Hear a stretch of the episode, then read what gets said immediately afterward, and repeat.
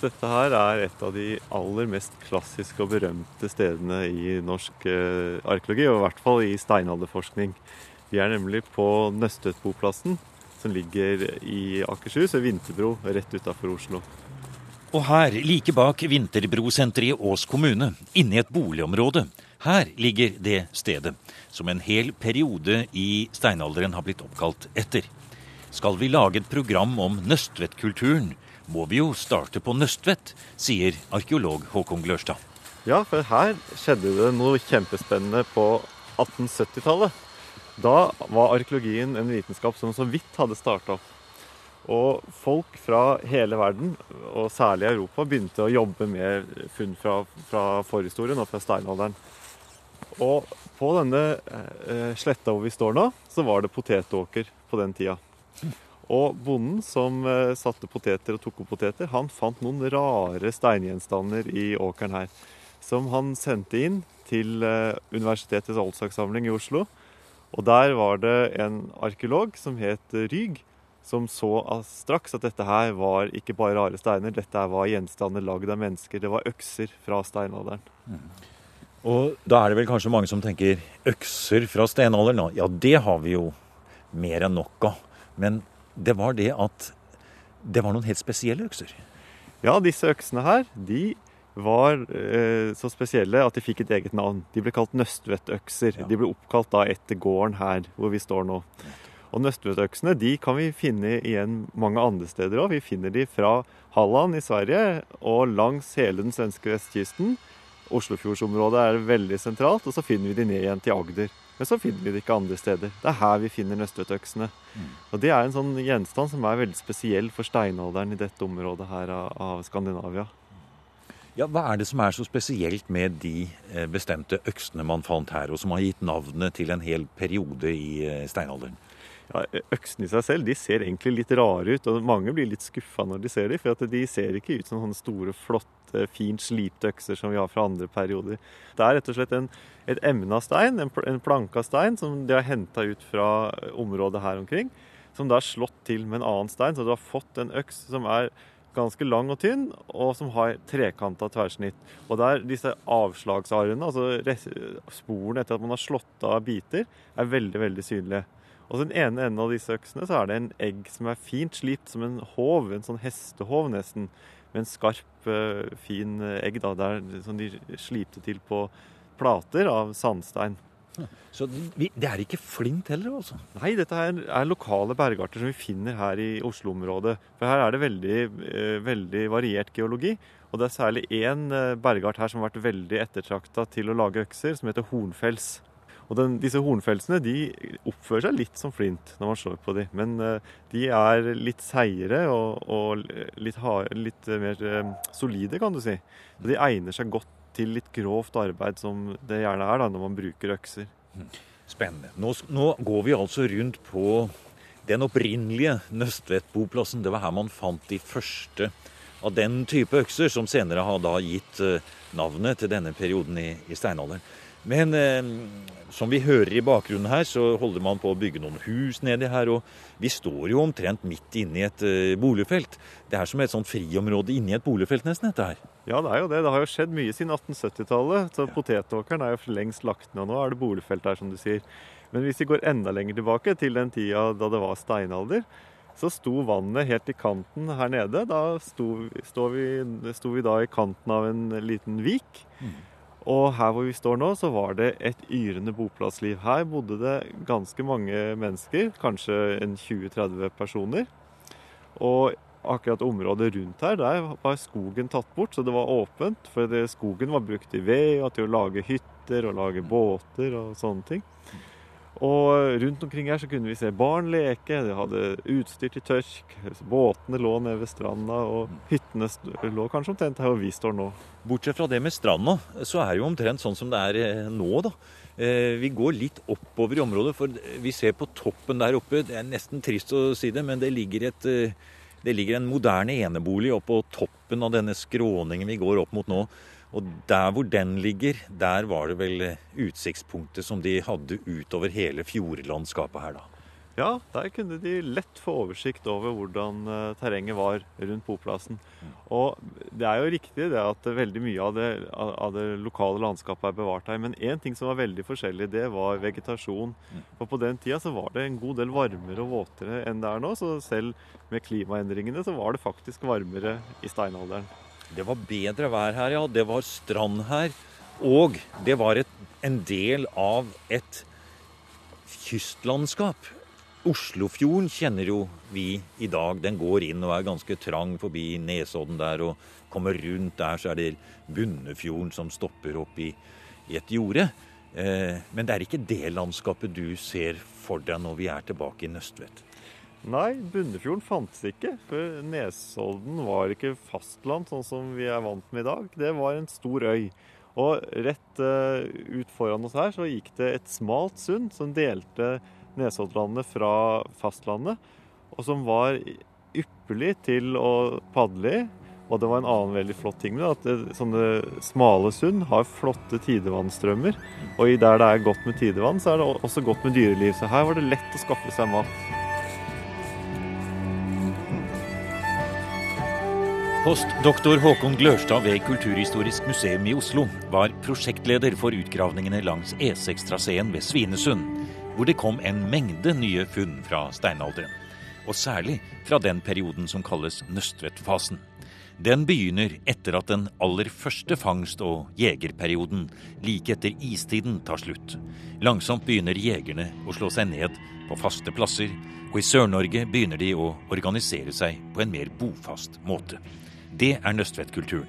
Periodene før blir gjerne kalt for Komsa-kulturen og Fosna-kulturen. Og det er jo sånn nå da, at man, Forskerne har også funnet ut at Komsa-kulturen og Fosna-kulturen de er veldig like, egentlig. Det Antagelig dreier det seg om de samme menneskene som bare bruker litt forskjellig råstoff, og derfor blir redskapene deres litt forskjellig.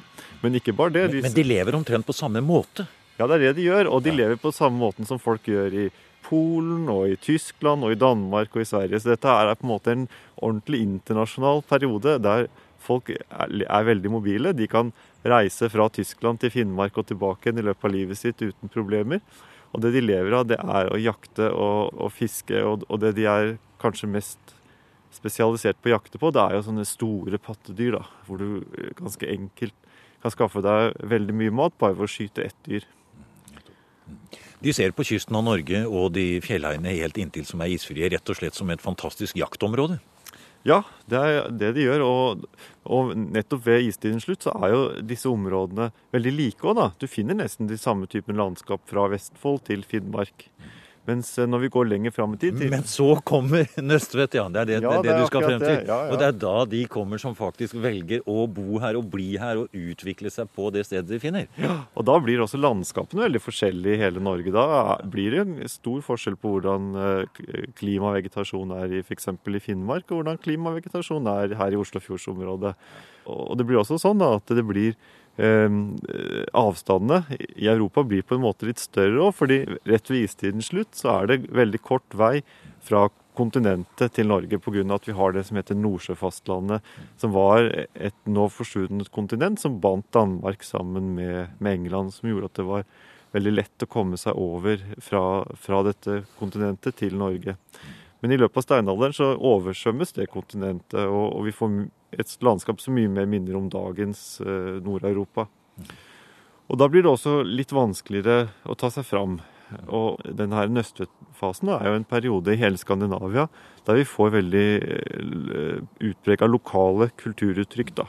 Folk holder seg mer på sine enkelte steder. Du har kalt det for en form for isolasjonisme? Ja, det kan du nesten si.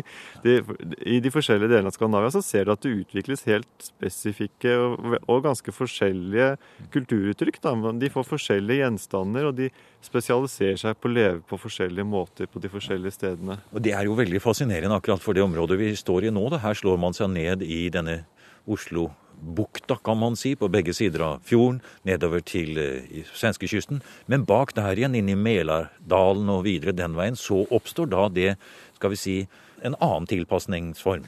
Ja, det er akkurat det de gjør. Der lager de redskapene på andre måter. De foretrekker å lage dem med andre råstoffer enn de gjør i Oslofjorden. Og de spesialiserer seg på å jakte og fiske på andre arter enn det de gjør i Oslofjorden. Og akkurat det samme er det f.eks. på Vestlandet, i Trøndelag og, og lenger nord på norskekysten òg. Vi kan si at i Vest-Skandinavia så er det altså på dette tidspunktet at de første regionene blir til, hvis vi skal kunne bruke det uttrykket med noen form for eh, skal vi si nøyaktighet.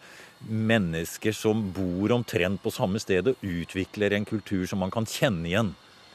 Ja, det er helt korrekt. Det, er på den tiden da at, at vi får disse karakteristiske særtrekkene.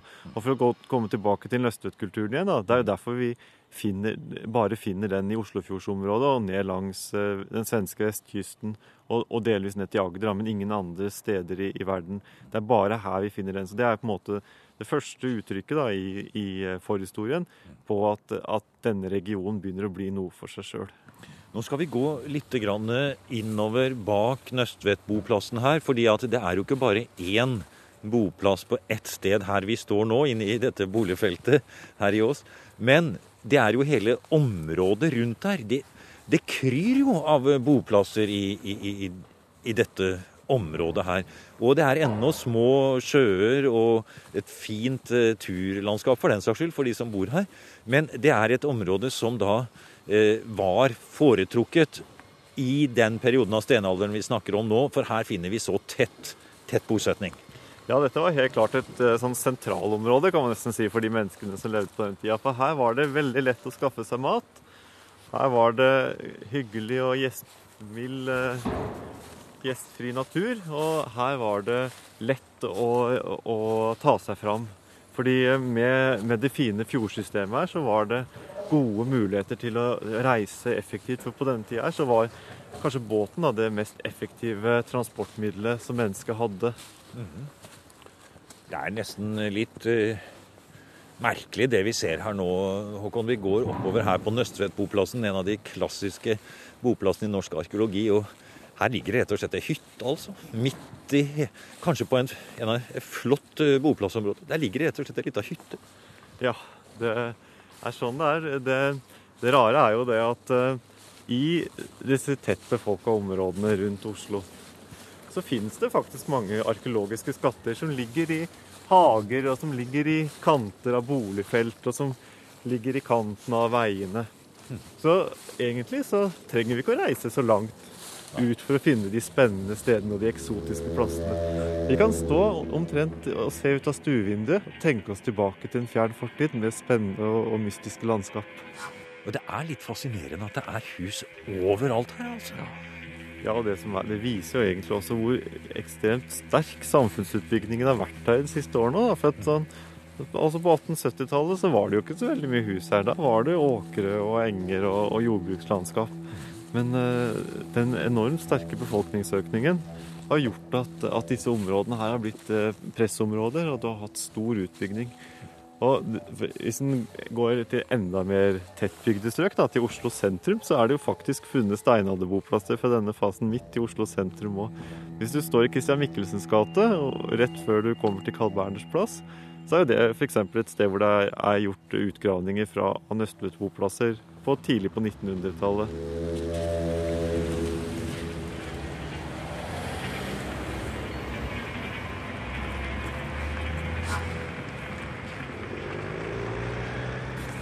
Ja, du snakker om uh, Oslo, Håkon. Nå står vi her like under sjømannsskolen på Ekeberg og ser rett ned i vannspeilet. Og du som er arkeolog og har et trent blikk for strandlinjer, hvor høyt oppe er vi nå? Ja, vi er omtrent så høyt som vi var da vi sto på Nøstvedtboplassen. Vi er ca. 50 meter over havet her. Og, ja. Enda vi jo ikke er på nærheten av toppen av Ekeberg her, men vi er jo nede i bakkene. Ja da, vi er et godt stykke ned i bakken. og ja, Her er det nesten sånn uh, sammenhengende nedoverbakke fra der vi står og ned til dagens strandlinje. Mm. Og akkurat her hvor Egentlig så ligner jo dette landskapet litt på Nøstvedtboplassen. Ja, gjør det altså. Og vet du hva som ligger under føttene på oss her? Det er under asfalten på den lille veien her, ja. ja her ligger det en boplass her òg. Her er det spor fra steinalderen. Og, eh, og litt lenger ned i bakken her så har vi akkurat hatt undersøkelser utgravninger. Og der fant man uh, boplasser som var litt yngre da enn østfjordkulturen, og de ligger litt lavere ned i terrenget. Så denne her lille bakken her, den har vært bebodd gjennom store deler av steinalderen og vært et fint boplassområde. Og alle de kvalitetene som vi så på Nøstvedtboplassen, de finner vi igjen her, da. Med fint oppland hvor du kan drive jakt. Du har gode havneforhold, og det er lett å skaffe mat, og det er skjerma, fin skjærgård utafor som gjør at du kan ta deg fram på en enkel og sikker måte med, med båtene. Mm. Og du har eh, store elver i nærheten som gjør at du kan ta deg enkelt inn i innlandet og drive jakt og, og sanking der òg. Mm. Ja, for du sier jakt og sanking. For vi snakker jo nå om nøstvettkulturen. Denne første bofaste delen av tiden da det bor mennesker i, i, i vår del av Skandinavia. Eh, men de drev ikke med jordbruk, for det hadde ikke begynt ennå. Nei, dette er enda noen tusen år før jordbruket slår eh, rot i Skandinavia. Så disse menneskene her, de lever bare Eller det er ikke bare bare, men de lever av jakt og mm. fiske og sanking. Mm. Og da er det, virker det sånn at det er særlig havet og havets ressurser som er veldig, veldig viktig del av kostholdet deres. De driver med og, og, og, jakter på småhval, på sel, på sjøfugl. Altså de samler skjell, og de fisker. Mm. Og, og, det er havet som er på en måte nerven i, eh, i, økonomien deres. Ja, og der er det en ting du må hjelpe meg å forklare. For eh, når havet er nerven, så tenker man jo båt med en gang.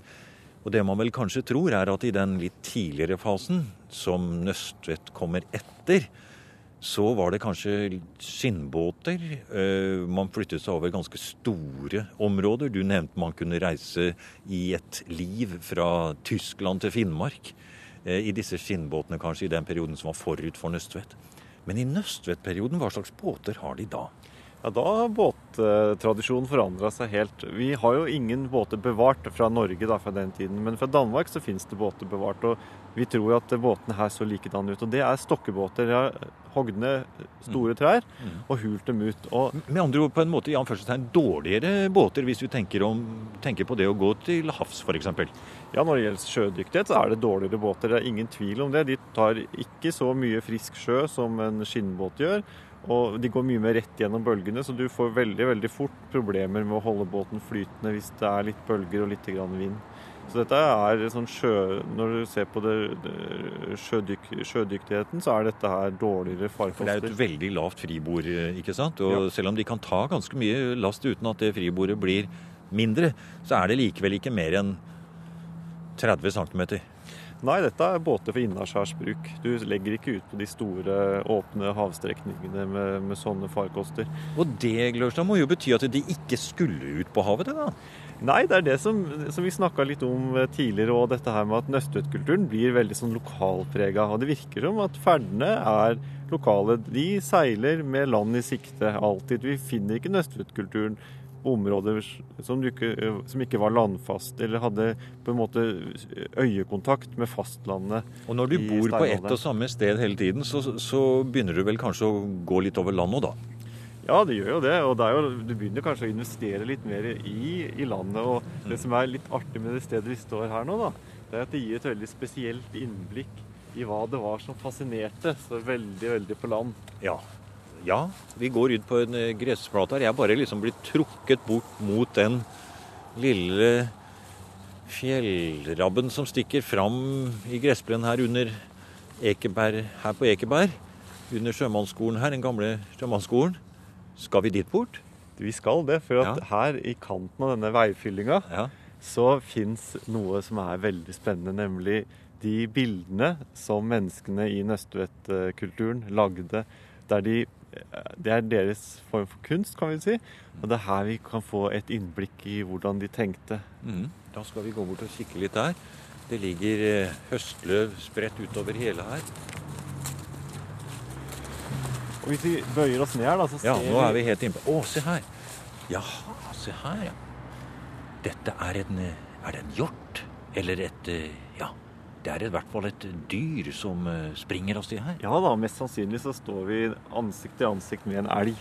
Ja, det kan det være, ja. Og dette er liksom den tidens monumentalkunst. da. Og, mm. og det er på nesten alle helleristningene vi har fra denne fasen, så er det elgen eller hjorten da, som, mm. som eh, er det mest populære dyret å avbilde. Jeg tror det er sånn eh, oppi 90% av alle motivene vi har fra denne fasen, er hjortedyr, da, enten elg eller hjort.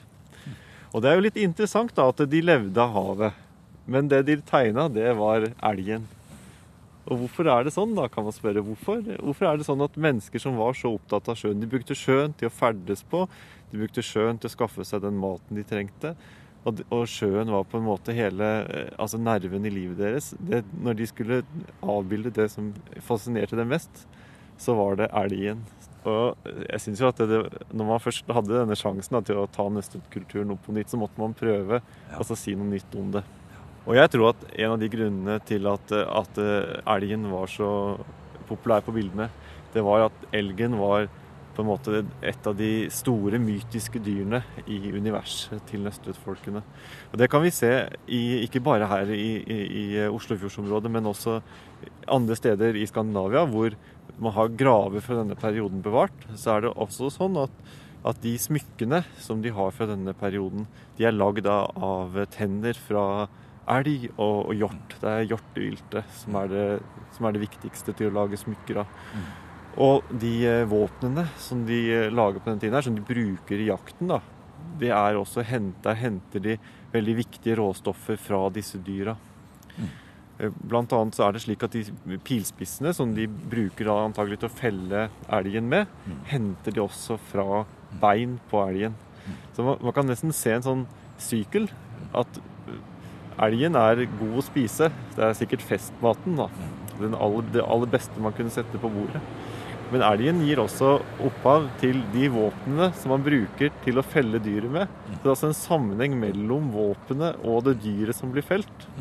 Og hvis man ser på kosmologiske systemer hos uh, jegere og sankere som har levd i uh, mer moderne tid, så er det veldig ofte sånn at de tenker seg at deres mytiske stamfar eller ane ofte er et sånt stort dyr, et mytisk dyr, som gir opphav til gruppen. Og det jeg har tenkt meg, det er at kanskje det er slik at, at det var elgen som var måte forfaren til, til nøstetkulturens mennesker. At de så på, så på elgen som en, en, sånn veldig viktig forutsetning for livet. En som helt sånn fysisk ga dem de råstoffene de trengte til å lage verktøyet sitt men som også på en måte hadde, en, hadde et sånt mytisk aspekt ved seg, som, en, som den skikkelsen som var opphavet til, til, til, samfunnet i disse områdene her. Veldig spennende. La oss bøye oss litt nærmere ned og se, for vi ser nemlig en ting her. Nå står vi altså og ser på en hellristning, men det er ikke slike hellristninger man kjenner fra yngre tid, i bronsealder, med disse berømte skipene osv. Det finner vi ikke her. Her ser vi altså da nøstvettkulturens figurer, og det er hjorten. Og hvis du ser her nå, Håkon, hvis du går litt nærmere inntil her, ja. så ser jeg jo her at så er det et stort mønster. Det er et rutemønster, eller altså det er, det er, ikke bare omrisset av dyret med tydelig horn og ben og det hele, men det er på en måte altså Selve kroppen er også fylt med, med et, labyrintmønster, på en måte. Ja, det er det.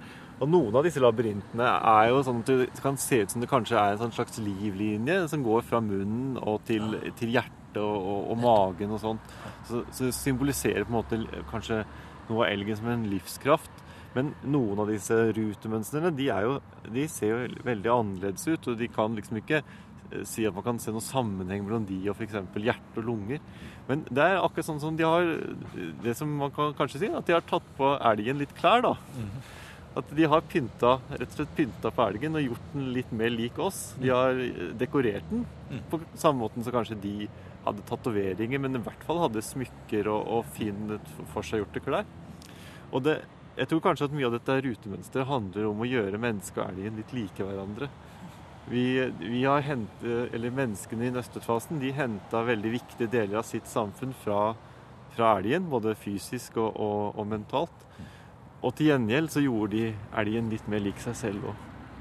Og sånn sett så er jo det veldig artig akkurat her med Ekeberg, da. For at uh, der er det jo i kanten av et sånt boplassområde, så er det jo da også lagd sånne ristninger som, ja, som også viser For det fant dere ikke ved Svinesund og andre steder når dere gravde der, vel? Nei, som sagt så, så, er dette ganske uvanlige funn i norsk sammenheng. Og vi har bare ti sånne felter fra Øst-Norge med den typen kunst. Mm. Og noe av det har nok sammenheng med at eh, berget forvitrer forskjellig eh, i forskjellige deler av landet. Så det kan ha vært sånne ristninger som har forsvunnet pga. forvitring, og noe kan ha forsvunnet gjennom veiutbygging og annen samfunnsutbygging. Men så kan det også være, og det er jo litt spennende for, for de som er ute og går, da, at det finnes flere sånne ristninger som bare venter på å bli oppdaga. Og, og, da er det det man må tenke på da, det er at de gjerne ligger der det var strandlinje i eh, steinalderen, eller langs eh, elver og vann i innlandet. Det er det som på en måte er en sånn fellestrekk for alle disse, alle disse figurene. Så når folk er ute og går eh, søndagstur eller annen måte er ute, og de skal sette seg ned og ta en rass, så sier du sett dere ned inntil en fjellskråning eller et eller annet sånt noe. sitt der og se på den. Kanskje dukker det fram en elg fra, fra flaten der. Ja, det er altså sånn at eh, det landskapet som vi går ut i daglig og så syns kanskje virkelig sånn traurig og kjedelig, da. Det landskapet rommer en veldig spennende historie. Det er ikke bare helleristninger man kan finne. Man kan finne boplasser fra denne fasen. Man kan finne rester av, eh, av de forskjellige fangstanleggene deres osv. Og så, så eh, rett under beina på oss i hverdagslivet så finnes det en rik og spennende historie som, som man kan dykke ned i, og, og som på en måte viser at, eh, at nærmiljøet, da, som virker så selvfølgelig eh, like til, egentlig er et veldig spennende og eksotisk sted.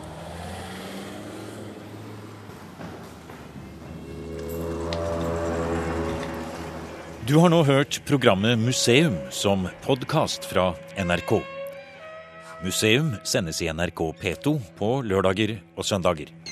Du finner flere programmer på nrk.no podkast.